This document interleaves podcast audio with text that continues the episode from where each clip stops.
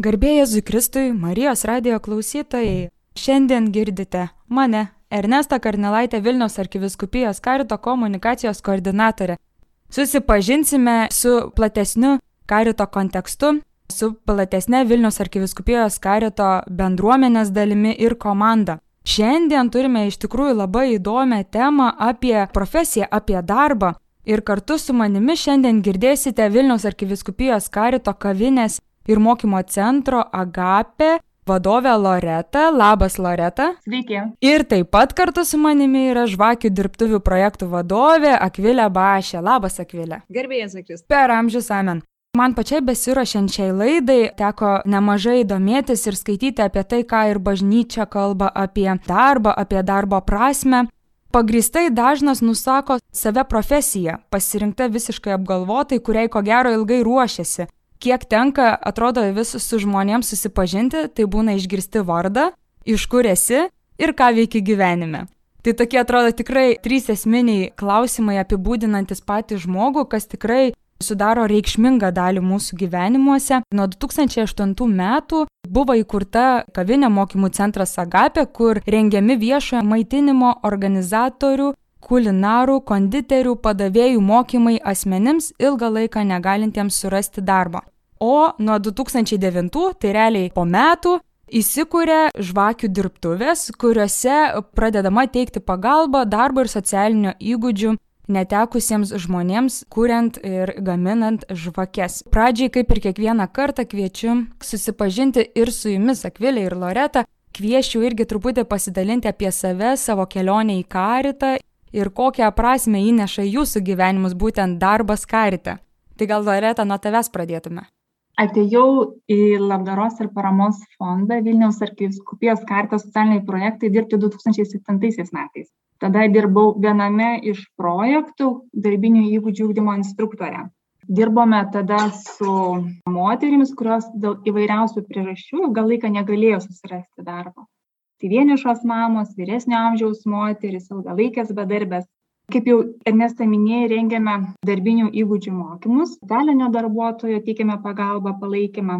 Mokymo centras tad įkurtas buvo palaiminto Jurgiaus Matulaičio parapijos namuose. Pasibaigus projektui, siekiant užtikrinti veiklų testinumą ir norint sukurti erdvę, kurioje parapijos bendruomenė galėtų susirinkti įvairiamis parapijos švenčių progomis, sekmadieniais po šventų mišių ir taip galėtume prisidėti prie parapijos bendruomeniškumo skatinimo tuo metu vilniaus arkivyskupijos karito direktoriaus lino palaikymu ir padrąsinimu pradėjome kurti socialinį verslą kavinė agapė tokia ta atėjimo mano istorija būtų kas mane pačią praturtina dirbant. Turbūt daug ko mokausi dirbdama čia. Daug ko išmokau ir daug ko vis dar mokausi. Tiek apie tai kad teko daug su kuo susipažinti kuriant ir vystant kavinę agapę. Labai daug išmokstu iš žmonių su kuriais dirbu. Mokaisi ir priimti ir girdėti juos pažinti suprasti ką gali padėti ką reikia pastiprinti. Mokaisi kaip padrąsinti kaip motyvuoti kaip prieiti prie kiekvieno žmogaus. Tai gal tiek Ačiū Loreta, Akvilė. Na, kaip Ernesta ir pasakoja, turbūt kiekvienas esame su savo tą tokia irgi etiketė, išsilavinimu ir kuo mes esame. Tai mano irgi išsilavinimas yra baigtas verslo vadybos studijos ir visą laiką buvo mintis ir paieška savo pačiai atsakyti, ką aš savo darbu galiu atnešti, ką galiu praturtinti ir kaip galiu galbūt rasti tą prasme ieškojau tikrai prasmės kad tai būtų ir man įdomu bet taip pat ir kažkaip tai galbūt keistų ir aplinkinius ir būtų nauda didesnė. Tai iš tikrųjų buvo toksai mano ilgas darbinis kelias nes turėjau pauzę auginant vaikus ir iš tikrųjų pati patyriau tą tokį galbūt požiūrį jeigu augini vaikus tai kaip ir tai irgi nedirbi taigi atostogauji bet pati galiu paliudyti kad niekad nebuvau taip užimta kaip tuo metu kai auginau vaikus ir stipriausiai buvo atrasta savanorystės galbūt irgi sritis kai galėjau tada paieškoti paderinti kaip save realizuoti būtent duodant taip atradau karitą taip atėjau kaip savanorė ir savanorystė užaugo į pakvietimą ateiti darbuotis ir esu labai laiminga, kad galiu savo patirtį, savo profesinės žinias perteikti ir duoti būtent užimtumo su tikslu vietai žvakių dirbtuvėms. Labai dėkoju už tikrai pasitikėjimą ir pakvietimą į komandą. Ačiū Akvilė labai už pasidalinimą, ačiū ir tau Loreta. Laida ką daryti? Tai vad darbas yra vienas iš tų atsakančių e, tikriausiai esmingai klausimą, ką daryti. Eik dirbti. Dažnai man mama taip sakydavo. Toliau galvojant apie darbą, iš tikrųjų, man rodos visai vertinga yra pagalvoti, ką apskritai žmogui duoda darbas iš to, ką jūs sutinkate ir kokie žmonės pas jūs ateina, gal tada irgi galite pasidalinti, su kokiu požiūriu vis tik susidurėma į darbą, nes teko skaityti ir Duket leidinyje, kas gal turit namuose, gali irgi atsiversti 147 klausimą, paragrafą. Ir ten minima, kad samdomas darbas daugumai žmonių yra bene pagrindinis pajamų šaltinis, tačiau darbas yra esminis žmogaus savirealizacijos ir įsijungimo į visuomenę matmuo. Vadinasi, nedarbas priešingai yra daugiau nei pajamų praradimas. Dažnai nedarbą lydi vienišumas, nepasitikėjimas savimi, socialinė nepagarba ir lyga. Kalbant apie teisę į darbą, koks vis tik pas jūs ateinančio žmogaus požiūris yra į jį? Ar tai vis tik yra išlikimo priemonė, ar koks nors požiūris, su kuriuo susidurėte, kurį dar reikia ir performuoti, žvelgiant į darbą? Prašau pasidalinkite, Loreta pas mus turbūt ateina žmonės tie kuriems sunkiau sekasi susirasti darbą arba įsidarbinus išsilaikyti toje darbo vietoje. Požiūris būna įvairus bet dažniausiai turbūt pasikartojantis tai bijoma darbo nes nepasitikima savimi. Trūksta motyvacijos trūksta drąsos keisti kažką savo gyvenime trūksta darbinių įgūdžių darbinės patirties socialinių įgūdžių darbo komandoje įgūdžių. Įpratę prie kitokio gyvenimo ritmo tai kitą kartą būna baisu įsipareigoti baisu prarasti laisvo laiko. Sunku ir gėda prisipažinti kad reikia pagalbos ypač vyresnio amžiaus žmonėms. Dažnai ilgesnį laiką nedirbantys žmonės pripranta prie gyvenimo tokiomis sąlygomis kokias turi ir nebenori nieko keisti nesiryžta kažko tai keisti. Nepagrįstai dideli lūkesčiai atlyginimui profesijai kokį darbą galės dirbti o susipažinus su situacija darbo rinkoj tai dažniausiai tenka suprasti kad reikės pradėti vis tiek dirbti nuo paprastesnių darbelių atlyginimas turbūt mažesnis bus nei kad tikiesi dažniausiai. Dažna irgi situacija kad ateina su įsiskolinimais tai net ir pradėjęs dirbti turi susitaikyti kad reikės išsimokėti skolas antstoliams. Net ir pradėjus dirbti dažnai ta situacija vis tiek nebūna taip kad pasikeistų jo gyvenimas dalis atlyginimo padengiama įsiskolinimas. Darbe turbūt irgi toksai nenoras priimti socialinę atskirtį riziką patiriančius žmones tie tokie neigiami atsakymai kurie jie girdi žmonės šitie tai irgi nedrąsina juos keisti kažką gyvenime bet turbūt norintys savirealizacijos jeigu jau ateina su tikslu kad norisi kažką keisti tai norintys kažką veikti norintys būti priimti norintys kad suprastų juos. Akvilė Visiškai pritariu Loretai ir tie tikrai mūsų klientai žvakiai dirbtuvėse, kaip pavadinčiau, kuriuos mes įdarbiname, tikrai visiškai atspindi Loretos paminėtus pavyzdžius. Iš tikrųjų aš pati kadangi susidūrusi savanorystėj turėjau su vaikų namų auklėtiniais ir buvo tas toksai irgi mes kalbėdavomės apie profesiją būtent toje aplinkoje ir man yra likęs vienas toks gilus pokalbis su vienu jaunuoliu kuris gal penkiolikos metų pasakė aš noriu būti verslininkas. Sakau šaunu puikus noras. Tai ką reiškia būt verslininku? Reiškia turėt pinigų. Sakau bet kaip tavo pavyzdžiui matematikos įgūdžiai? Sako, nu, trejetą ten išspaudžiau. Kažkaip tai vis prisimenu šitą pokalbį, kad kaip svarbu pamatyti žmogų kaip visumą, iš kur jis atėjo, kaip jisai buvo, kaip jisai atsidūrė ten, kur jisai yra. Ir manau, kad tas mūsų dirbtuvių vat, variantas yra toksai, gal sakyčiau, šiltnamio sąlygos šiek tiek, kad mes esam socialinis verslas, mes žiūrime į žmogų, mes net neįmam darbuotojo, va, kaip sako darbdavys ateis, tu turi padaryti, turi atitikti, šiek tiek tu man čia nelabai patinki, mes tau paskambinsim ir panašiai. Mes labiau žiūrime apskritai, kad žmogus koksai yra šiai dienai, kaip jisai vat pateko į tą situaciją kaip yra bet lygiai taip pat kaip jisai mato kaip iš jos gali išeiti Ir mūsų vat, misija ir yra būti vieta pokyčiui ir galimybei sugrįžti į savarankišką darbinį gyvenimą. Ir bei kviesti kartu auginti tarpusavę pasitikėjimą ir solidarumą visuomenėje. Tai iš tikrųjų norisi būti ta vieta, tokia iš tikrųjų vieta, kur ateina tam, kuriam reikia pagalbos, kuris jau galbūt irgi nekarta gavęs tą neigiamą atsakymą, nekarta pats savo yra pasakęs, koks aš esu niekam tikęs, kaip man čia viskas blogai, bet būti va ta visuomenės vieta, kur ateina ir tie, kuriems vis dėlto rūpi, kurie mato žmogų ne kaip šiukšlę, neišmeta jos, bet kad sako, taip, tu gali keistis, tu gali kabintis ir sustiprėjus vėl eiti savo keliu taip, kaip tu jau eini, kaip tau gausis. Kiekvienas turime kažką tikrai savyje tokio unikalaus ir galimybės prisitaikyti prie dabartinio laikmečio. Bet įgyti to tokio vidinio ryšto, drąsos eiti šituo keliu, tai manau tikrai vat karito misija šitoje srityje puikiai ir įgyvendinama. Aš dar gal truputėlį papildyčiau, ar darbo praradimas yra tik pinigų praradimas, tik negavimas atlyginimo. Tai turbūt ne vien tik tai, nes mes didžioji dalis turbūt darbę praleidžiame didelę savo gyvenimo dienos dalį, gyvenimo dalį. Mūsų bendravimo poreikius kažkokius tai tenkina. Mes daug bendraujame darbę, sutinkame žmonių lygiai taip pat jau kaip ir minėjote kad nu tai formuoja kažkokį tai profesinį tapatumą. Kas tu esi šioje vietoje? Pasisekimai darbe vis tiek pripažinimo jausmą tau tenkina.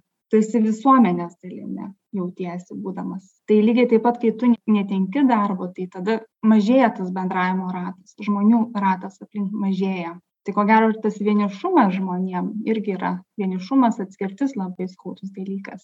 Dar papildyčiau tą tokį dalyką kad tą tokią visuomenės nuomonę kad kitą kartą kad tie žmonės patys kalti ar ten kitą kartą tinginiai kad nieko nedaro nes nu vat kaip ir sakei eik ir dirbk. Tos situacijos tų žmonių kurie išgyvena tą skurdą ir atskirtį jų tos gyvenimo istorijos jo patirtys būna tokios kurios atvedė juos iki tos situacijos. Kad pavyzdžiui galbūt sušlubavo sveikata žmogaus prarado darbą nebeišlaikė būsto tapo benamiu ar ten augo šeimoje kur tėvai turėjo problemų dėl alkoholio nedirbo nematė kad tėvai eitų į darbus. Kažkokios tai situacijos sunkesnės pateko į vaikų globos namus. Tai tu tiesiog dėl savo patirties gyvenimo patenki į tam tikrą atskirtį Iš tiesų, kažkaip man irgi dar toks susidaro vaizdas, kad jeigu žmogus irgi ateina pas jūs turėdamas įsiskolinimų ar kažkokių ilgalaikių problemų, kartais darbas irgi jisai, galima sakyti, yra ilgalaikis įsipareigojimas, tik tas ilgalaikis įsipareigojimas, kuris ištraukia tave iš kažkokio tai sunkumo, iš vienatvės, iš siauro mąstymo ir apie tą patį pasaulį. Ir aš kažkaip suprantu, kad e, apskritai socialinis verslas jisai tikrai konkrečiai pranoksta visas įprasto verslo savokas, kad tai nėra pelną siekianti organizacija, ne, dėl to socialinis verslas yra. Ir iš tikrųjų tam reikia suteikti daug įvairiausio dėmesio, kurio tikriausiai įprastai verslas neteiktų. Jau Akvilė buvai tu užsiminusi, kad iš tikrųjų čia yra toks kaip ir šiltamis, kur reikia ne tik suprasti, ar žmogus gali, negali dirbti tą darbą, bet iš tikrųjų atrasti tą vietą, kad būtų jis priimtas tiesiog toks, koks yra. Ir kartu galvoju, kad iš tikrųjų dažnai darbuose yra apskritai žiūrima į bendrai kompetencijas koks tavo įsilavinimas, kokia patirtis, bet iš tikrųjų įtariu, kad čia pas jūs srityje šioje yra daug dėmesio taip pat skiriama socialiniams įgūdžiams. Ir man netgi kyla klausimas, kurie įgūdžiai užima svarbesnę vietą ir ar, pavyzdžiui, kurių reikia anksčiau išmokti. Ar tu mokėdamas liet žvakes, pavyzdžiui, tada jau gali pradėti savo asmenybę formuoti, ar tai eina kažkaip, nežinau, paraleliai, tai čia tik spėliot galiu. Akvilę pasidalinki. Aš tai manyčiau, kad neįmanoma atskirti mūsų procesuose kažkokių tai čia jau tik dirbam, o čia jau šiek tiek ugdomės. Visa tai yra viena didelė visuma, tik tai galbūt irgi mes tokie, sakau, va, tas socialinis verslas, kuris skaitosi kaip tarp kūjo ir priekalo esam, nes iš tikrųjų esame vis tiek, jeigu užsiemam gamybą, tai turime vesti darbuotojus, aiškinti, ką mes gaminam, kad mums reikia gaminti kokybiškai, kad mes turime atlikti darbus pagal tai, kaip mes užsibrėžiam tos terminus ir panašiai. Bet kita vertus, mes tikrai turim stebėti žmogų, kaip jisai jaučiasi, kaip jisai priima tuos pokyčius, rasti tinkamus žodžius, galbūt net jam suprasti, ko mes jam linkime, ką mes jam siekiame. Ir tikrai būtų iliuzija galvoti, kad va, čia taip viskas ramu, be konfliktų ir panašiai. Žinoma, kyla ir konfliktinių situacijų, bet galbūt mes karitiečiai, tie, kurie atėjome dirbti šitas vietas, labai gerai irgi žinome, kur mes ateiname ir kas mūsų laukia. Ir rasti tos stiprybės turbūt tikėjime, atsiremti į Jėzų, kad iš jo gauti tos stiprybės eiti šalia šitų žmonių tikrai yra daug tamsos žmonėse, daug žaizdų ir daug tokių dalykų, kurių tu tikrai eidamas į kokį banko tarnybą ar į kokią kitą rinkodaros organizaciją gal tu net nepamatytum. Tu visai kitose srityse virtum ir matytum. Tai ši čia vis tiek savo pasakom, kad žmogus pirmiausia keliam tikslus ir verslo, kaip ir gamybos tikslus, bet turim įsivertinti daug aspektų, su kuo mes dirbam. Ir tai iš tikrųjų, va, kaip ir Loreta ir sakė, tai augina mus pačius, tai augina kantrybėje, tai augina išmintyje, tai augina supratime, empatijoje. Tokie iš tikrųjų tas tave būtent ta prasme ir atsiranda. Aš irgi pritarčiau akailė, kad ko gero svarbu kartu ir socialinis ugdymas ir darbinių įgūdžių ugdymas.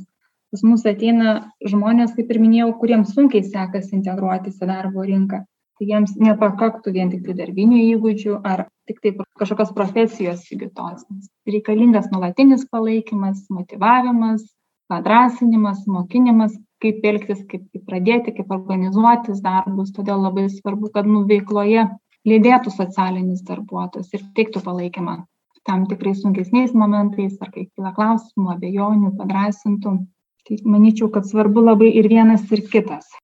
Kiek maždaug laiko reikia žmonėm? Ar vienokioj, ar kitokioj profesijai su kuo vat, susidurėt ir ar apskritai įmanoma apibriežti, kol mhm. žmogus jau gali būti pasiruošęs eiti savarankiškai, galima sakyti, į darbo rinką? Labai skirtingos tos gyvenimiškos situacijos, iš kurių žmonės ateina, labai skirtingos tos patirtis, labai skirtingos tos skurdo duobės, iš kurių žmonės turi išlipti. Tai ir negalime konkrečiai įvardinti, kiek ir kokios pagalbos reikia visiems apibendrinti. Kita kartą ten užtenka tiesiog šiek tiek padrasinimo, pasitikėjimo žmogui paugdyti ir to užtenka, žmogus tikrai sėkmingai išeina, susiranda darbą ir dirba kitą kartą tu dirbi su žmogum ir net net lydi ir žinai jį metus ar ar net ilgiau ir žmogus baigęs kažkokią tai mokymus ar darbą pas mus išeina susiranda darbą ir per tris mėnesius pakeičia ko gero tris skirtingus darbus nes jam vis dėlto sudėtinga vis išsilaikyti mes ir tokį rezultatą vertiname gerai. Kažkam kažkokiam žmogui tai yra didelis pasiekimas ir jeigu ten pirmą darbo vietą ko gero reikėjo padėti jam susirasti padrąsinti paskatinti tai galbūt jau jisai antros darbo vietos ieškosi pats skaito interneto portalus darbo skelbimus ir jau turi kažkokį įgūdį kažką daryti kaip siekti. Ir skirtingas rezultatas kiekvienam būna ko gero. Aš manau kad mūsų visuomenė labai turi tokį lūkestį nori sėkmės istorijų. Tokių gražių sėkmės istorijų prieš po žinot kai būna remonto nuotraukos čia kaip buvo taip. Ir labai tikisi kad galbūt irgi norėtųsi ateina čia žmogus su bėdom pusę metų jisai staigiai visas toks tvarkingas gražus grįžta į visuomenę ir mes čia sakom va visi čia grįžo susitvarkė taip toks lūkestis turbūt yra iš visuomenės galbūt to tokio noro kad taip atrodytų taip lengvai eitų. Bet žmogus yra labai tikrai komplikuota sudėtinga įdomi ir graži dievo kūryba ir kaip pasakyti, kiek laiko reikia, kad žmogus pasveiktų, kiek laiko žmogui reikia, kad jisai priimtų save tokį, koks jis yra ir eitų darbo keliu, vat atrastų tą darybę darbą kaip savęs realizavimą, kaip savęs dovanojimą pasauliui ir saviraišką. Čia labai individualus dalykas, nes iš tikrųjų, kaip ir vat, Loreta sako, vienam galbūt bus tikslas išmokti ateiti laiku į darbą kad tai yra kiekvieną rytą reikia ateiti į darbą. Ir jam prasimušus tą, vat, pavyzdžiui, mėnesį jau galim tikrai visi su šypsenom sėdėm ir sakom, jis jau, jis jau eina į darbą ir ateina laiku. kitam galbūt bus iš tikrųjų šuolis milžiniškas. Vat aš tikrai galiu džiaugtis, kaip mes pradėjom ir mašinos, tai yra visokios gamybos. Bijojo tų mašinų, kaip čia viskas veikia, nieko nežinau. Sakau, čia tik mašina, žmogaus sukurta mašina ir mes ją įveiksim ir mes ją perprasim ir suprasim, kaip viskas veikia. Ir kai dabar matai ateinant moterį, į mūsų konkrečiu atveju Juratę ar Veroniką, atsisėda dabar viską, ten pasidaro tik tai kelios minutės ir jau viską žino, kas kur turi būti, kas kaip pasimatuot. Ir čia jau aš matau didelį jau progresą, kad jau žmogus ateina, jau jisai žino, išmano, jau jisai sako, aš jau žinau, jau galiu kažką, bet ir sako, gal pasitarti, pasižiūrėti. Tai kiekvienas atvejis visada bus labai unikalus ir kažkokio tai standarto, kad ir labai norėtųsi nu, nubriežti, turbūt sudėtingai. Stengiamės, kiek įmanoma, aišku, tuos apsiriboti, tokius laikę galbūt etapus, ką galėtumėm vertinti, kad vienas etapas įveiktas ar kitas etapas su mumis ar jau savarankiškai kaip ir kalbėjom, kad socialinis tas palydėjimas šiems asmenims, manau, ypač aktualus. Įvertinant pačio savęs augimą, savęs pokytį ir kaip jau galiu eiti tolyn. Aš gal dar truputėlį norėčiau papildyti, kad mūsų veiklos vystimas socialinio verslumo principais, ko gero, suteikia tą galimybę lankščiau reaguoti į žmonių poreikius, į tą individualų žmogų žiūrėti, kiek reikia laiko, kad pastiprinti tą žmogų, kokios reikia pagalbos. Tai yra nepriklausomybė tik nuo projektų, bet tokia šiek tiek laisvė labiau individualiai pažiūrėti žmogų jo poreikius. Labai gražus papildymas. Man toliau skaitant Tuket leidinį 143 klausime apie objektyvų ir subjektyvų darbo matmenį. Ekonomikai tai yra vat, įvairūs tokie terminai - darbo našumas, pridėtinės vertės ir panašiai bažnyčios socialinis mokymas daro skirtumą tarp šio ekonominio objektivumo ir subjektivumo matmenų. Pastarasis yra orumas, būdingas kiekvienam darbui, nes jį atlieka žmogus. Šį požiūrį į žmogų kaip darbo subjektą su neatimamu jo orumu popiežius Jonas Paulius II apibūdina kaip esminį ir antlaikinį krikščioniškojo mokymo apie žmogaus darbą branduolį, Todėl niekada nevalia arogantiškai žiūrėti dirbančius tariamai žemą darbą, kuriam nebūtinas specialus išsilavinimas ar ypatinga kvalifikacija. Gilinantis į objektyvų, subjektyvų darbo matmenis, man rodos, labai daug subjektivumo atsiskleidžia, žvelgiant į darbo specifiką tikrai iš tam tikrų savokų. Gal jūs galėtumėte irgi pasidalinti, kaip jūsų viduje atsiskleidžia gal irgi ta subjektyvi plotmė, kuri praplečia bet kokį ekonominį ar standartinį irgi verslo suvokimą.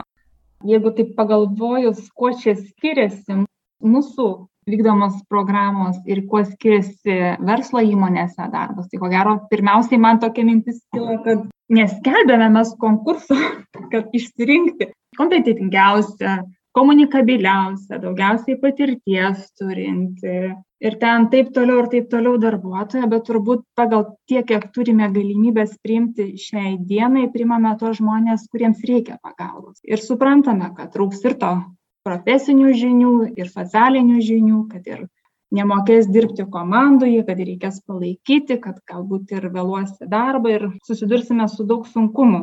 Dar tokį vieną skirtumą visai vardinčiau, ko gero daugiau sulaukia mokymo, palaikymo, pagalbos dirbant pas mūsų žmonės, kam mes skiriame didelę laiko dalį. Į tą darbą patį, kaip jisai turi padaryti. Ko gero mes po truputėlį siekiame ir to darbo našumo, ir darbo kokybės. Dirbant pas mus irgi darbas negali būti padarytas labai, nes mes, kaip ir minėjau, irgi turim klientą, kuriam tą prekę reikės pasiūlyti ir jinai turėtų būti kokybiška, bet mes suteikiam galimybę aukti tam žmogui. Ir jeigu ten pirmą kartą padarė gal ne visai gerai, tai mes mokinam, darom, kiek reikia tų kartų, kad pavyktų padaryti gerai. Ko gero, kad sukūrėm tą tokią erdvę ir sąlygas, kuriuose žmogus gali aukti bandyti, daryti, ieškoti. Duodam laiko žmogui tą pokytį pasiekti. Gal nereikalaujame ten iš karto, kad jau turi gerai padaryti, bet norisi, kad žmogus temtųsi, kad bandytų, kad darytų. Aš tai tik tai irgi pasakysiu, kad mūsų kolektyvas, vadinam save tikrai komanda ir priemam save kaip komandą, kuri kartu keliame ir, ir tikslus ir bandom juos įgyvendinti. Ir aš manau, kad tai yra labai svarbu, kad yra rodoma, kad jūs esat lygiai taip pat labai svarbi komandos dalis, nuo jūsų irgi daug kas priklauso.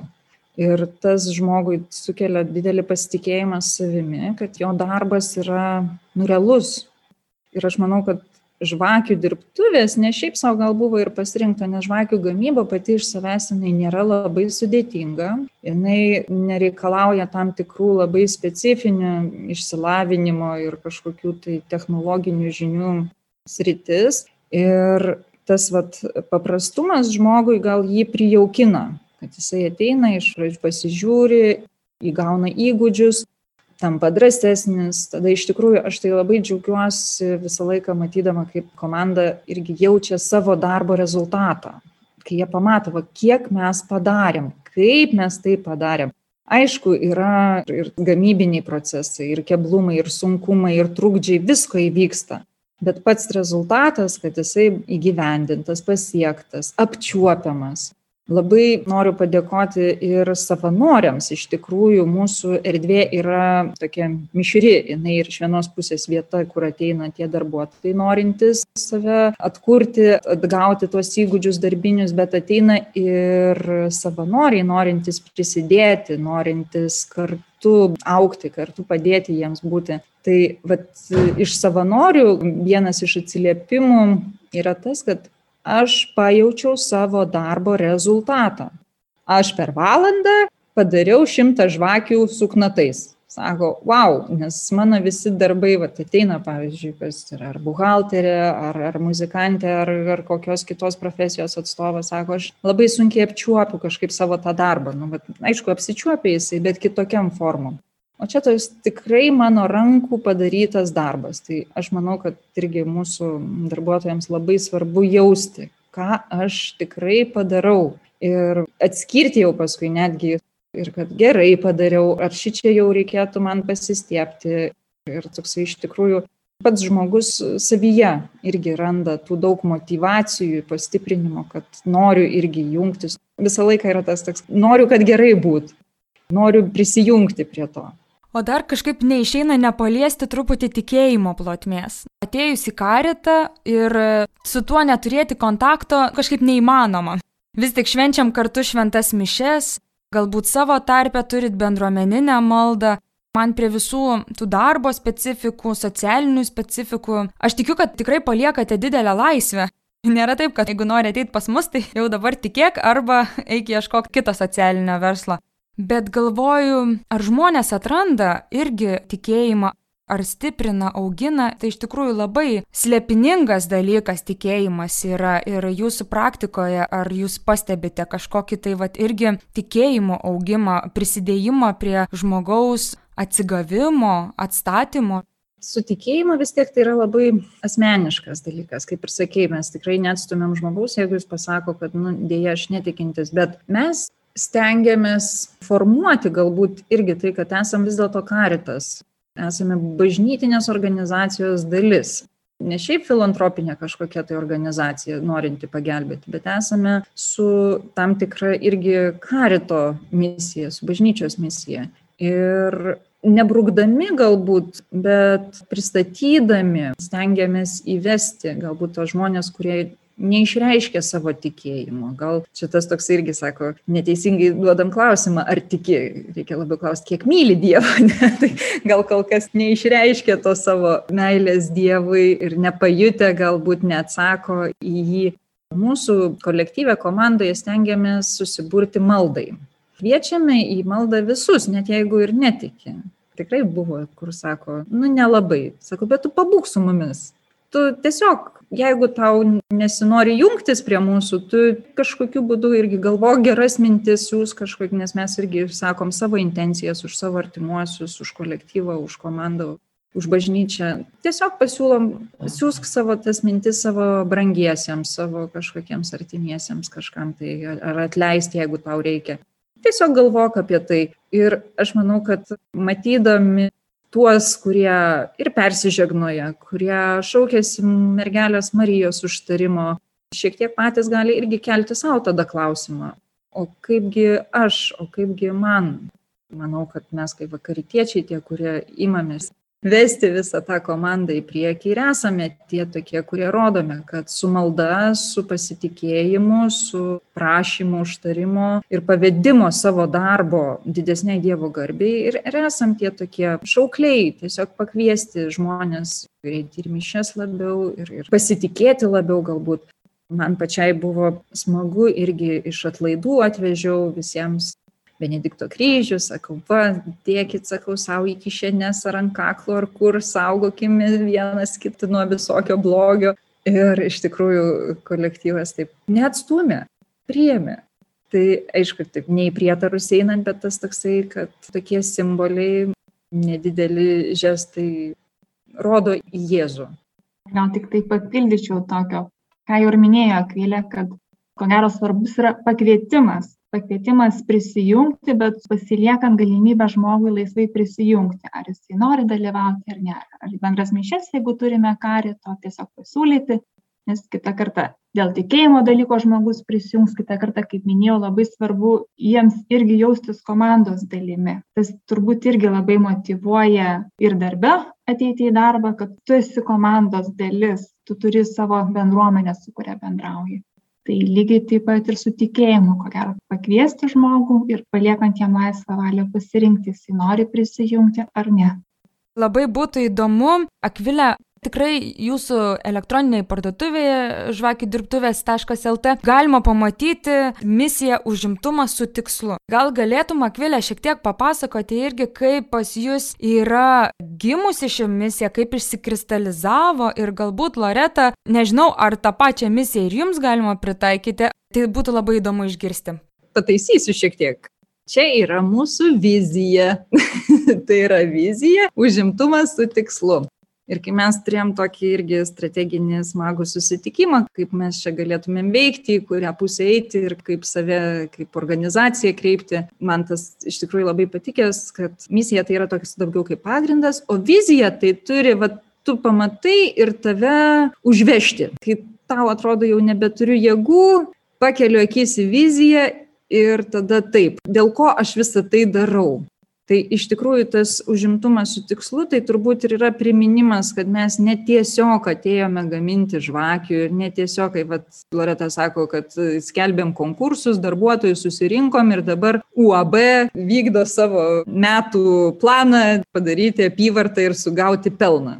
Tai užimtumas su tikslu mums visą laiką primena, kai man sunku, kai yra beviltiškų situacijų ir norisi užsidaryti ir sakyti, jau viskas, nieko nebegaliu, bet dėl ko visą tai darau, kad tai yra tikslas. Tai yra tikslas, kad tas užimtumas yra ne šiaip savo, nebeprasmės pats iš savęs, bet jisai neša tą gilesnę tokią misiją žmogui atsigauti, sugrįžti ir pamatyti kiekviename iš tikrųjų tą asmenį, orų asmenį, kad jisai galėtų būti su, su mumis šalia, tas ir yra svarbiausia, tas va, užimtumas su tikslu kad tas tikslas veda mus į priekį. Lygiai taip pat ir patiems darbuotojams, kurie ateina pas mus, kad jie kai pamato tą užimtumą su tikslu, kad aš irgi keliu savo tikslą. Išeiti iš savo kažkokio tai sustingimo, išeiti iš savo to nežinojimo, iš savo baimių, iš kažkokių tai įsitikinimų. Ir kad mano šitas buvimas čia irgi yra su tikslu kiekvienas keliam skirtingus galbūt tikslus. Mes kaip organizacija patys darbuotojai kad iš tikrųjų eiti aukštyn eiti ir lipti iš tos duobės ir eiti į tą tokį šviesesnį ir geresnį rytojų. Kavinėje rengiame darbinių įgūdžių mokymus ir turime irgi ugdomųjų darbo vietoje kuriuose įdarbinam su sunkumais susiduriančius žmones bet dar kitą tokį visai tikslą mes esam įsivardinę kadangi mūsų kavinė yra jurgio matulaičio parapijos patalpose tai ką ir turbūt jau patiriame tai tokia būt bendruomenės susitikimo vieta ir į ką mes labai kviečiame. Tai renginių metu įvairių parapijos sekmadieniais po šventų mišių nu žmonės neišsiskirsto bet bet susirenka kavinėje pietauja geria kavą bendrauja tai turim daug tokio šurmulio kas man irgi tokių labai gražių spalvų prideda mūsų parapijai. Tai tą tikslą turim įsikėlę ir labai smagu, kad jinai tampa sava žmonėms, kaip labai gera girdėti iš žmonių, kad ši mūsų kavinė, parapijos žmonių kavinė, tai man tas labai, labai miela klausyti. Pabaigai, vad, buvau pasiruošęs tokį klausimą pasidalinti kažkokiamis pergalėmis, pasiekimais, kai dabar laidos metu išgirdau iš Akvilės, tai tokia kaip piliulė, lik visą laiką norim, o kas gero, kas čia taip greitai įvyksta? Taip ir norisi gal performuluoti tą klausimą ir kai jūs matote žmonės, su kuriais dirbate ir tikrai jau nemažą laiko dalį, kaip manot, ko vat tikrai norisi linkėti žmonėms, koks yra jūsų asmeninės misijos palinkėjimas tiem žmonėms? Visą laiką tas irgi palinkėjimas viską pavesk viešpačiui. Kad iš tikrųjų tu priimk save, bet priimk, kad ir kažkas tai tave pagloboja. Taip labai norisi iš tikrųjų, labai norisi pa paštalauti, paevangelizuoti ir kažkaip pasakyti. Tai kad nebijok viešpat su tavim, o mes, vat, jo irgi įkvėpti norime būti šalia tavęs ir šalia tavo sunkumų, šalia tavo bėdų. Ir mes jas matome ir priemame tave tokį ir bandykime eiti būtent per darbo prizmę, aukti, šlifuotis kartu, nes visi esam netobuli. Lygiai taip pat ir aš šlifuojuosi tam tikrus kampus ir kartais pagaunu save, sakau, kad čia mano antra šeima dėl to, kad kaip ir su vaikais namie, taip ir čia kartais kaip su vaikais tenka. Ir reikia ieškoti kompromisų, reikia ieškoti susitarimų. Tai tave irgi augina ir šlifuoja ir ūkdo Tai iš tikrųjų aš tai labai dėkoju visiems, kas ateina, su kuriais mes turime galimybę dirbti ir kad jie yra. Ir visą laiką mes tai viešpatė, ačiū tau, kad esame, kad šiandien esame, kad turim rankas, kojas, kad galime va, daryti tai, ką darysime ir kad tai būtų didesniai tavo garbiai. Iš tikrųjų, toks palinkėjimas ir būtų. Kas labiausiai šiaip mane džiugina, tai tos tokios įsimintiniausios istorijos žmonių būna, kurios pozityviai nustebina. Pozityviai nustebina mane pačią ir ko gero tuos žmonės, kurie irgi ateina. Kažkaip sutikęs pirmą kartą su žmogum, galvoja, nu čia šitoje situacijoje nedaug mes kur nais, nedaug mes ko pasieks. Bet kai suteikia galimybę, laiko, yra jų pačių noras siekti po, kažkas užmotivuoja juos, suranda kažkokį kabliuką, už kurio užsikabina siekti kažko kitą kartą įvyksta tokie pokyčiai, kai tu pagalvoji, kai sutikai pirmą kartą tą žmogų prieš kelis metus, niekada nebūtum galėjęs pasakyti, kad tas žmogus gali tiek nueiti, kiek nuėjo šiandien. Tas žmogus lygiai taip pat netikėjo tada, kad galėtų pasiekti tiek, kiek pasiekė šiandien. Tai tokio turbūt ir palinkėčiau tokio malonaus pozityvaus nustebimo, kiek galima padaryti siekiant kažko tai. Ačiū labai už atvirus, nuoširdžius pasidalinimus ir tikrai atvirą liudijimą. Ir šiandien kartu laidoje Ką daryti, Marijos radio klausytojai girdėjote Vilniaus arkiviskupijos karito bendruomenės komandos narės. Tai kavinės ir mokymų centro Agapė vadovė Loreta Rimkutė, ačiū tau Loreta, ačiū Akvilė, žvakių dirbtuvių projektų vadovė. Ir pačiai pabaigai man kažkaip irgi toks atėjo suvokimas, kad Jėzus iš tikrųjų irgi kaip tas tobulas pavyzdys kiekvieno mūsų gyvenimuose, jis didžiąją laiko dalį iš tikrųjų dirbo. Dirbo savo rankomis kasdien prisiliesdamas prie Dievo sukurtos materijos, bei kaip amatininkas teikdamas jai formą. Ir tikrai tiek liejant žvakes, teikiant tam vaškui parafinui formą tam tikrą, kuri neša šviesą, ar e, paprastiems maisto produktams atrodo, miltams, vandeniui ir dar visokiom kitokiom priemonėm, teikiant tą tokią prakilnesnę formą, kuri pasotina, paruošia kūną kitiems darbams, teikia energiją. Tai iš tikrųjų labai gražu, kad yra Vilniaus arkiviskupijos karite tokios vietos, kuriuose žmonės gali ateiti ir patys per tas Dievo dovanotas materijas irgi suteikti formą ne tik savo gyvenimui, bet ir kartu dar teikti ir džiaugsmą kitiems. Labai dėkoju už pasidalinimus, linkiu ir jums, Marijos radio klausytojai, tiek girdint apie agapę, Galbūt, kai karantinai, duok dievę, kada nors sušvelnėtų irgi nepraeiti pro šalį esantį palaiminto Jurgio Matulaičio parapijoje, O šiuo metu ar ateityje irgi užeiti į žvakių dirbtuvių parduotuvėlę žvakių-dirbtuvės.lt ir pasidovanoti savo arba kitiems šviesos, vilties ir meilės simbolius. Garbėjai Jėzui Kristui.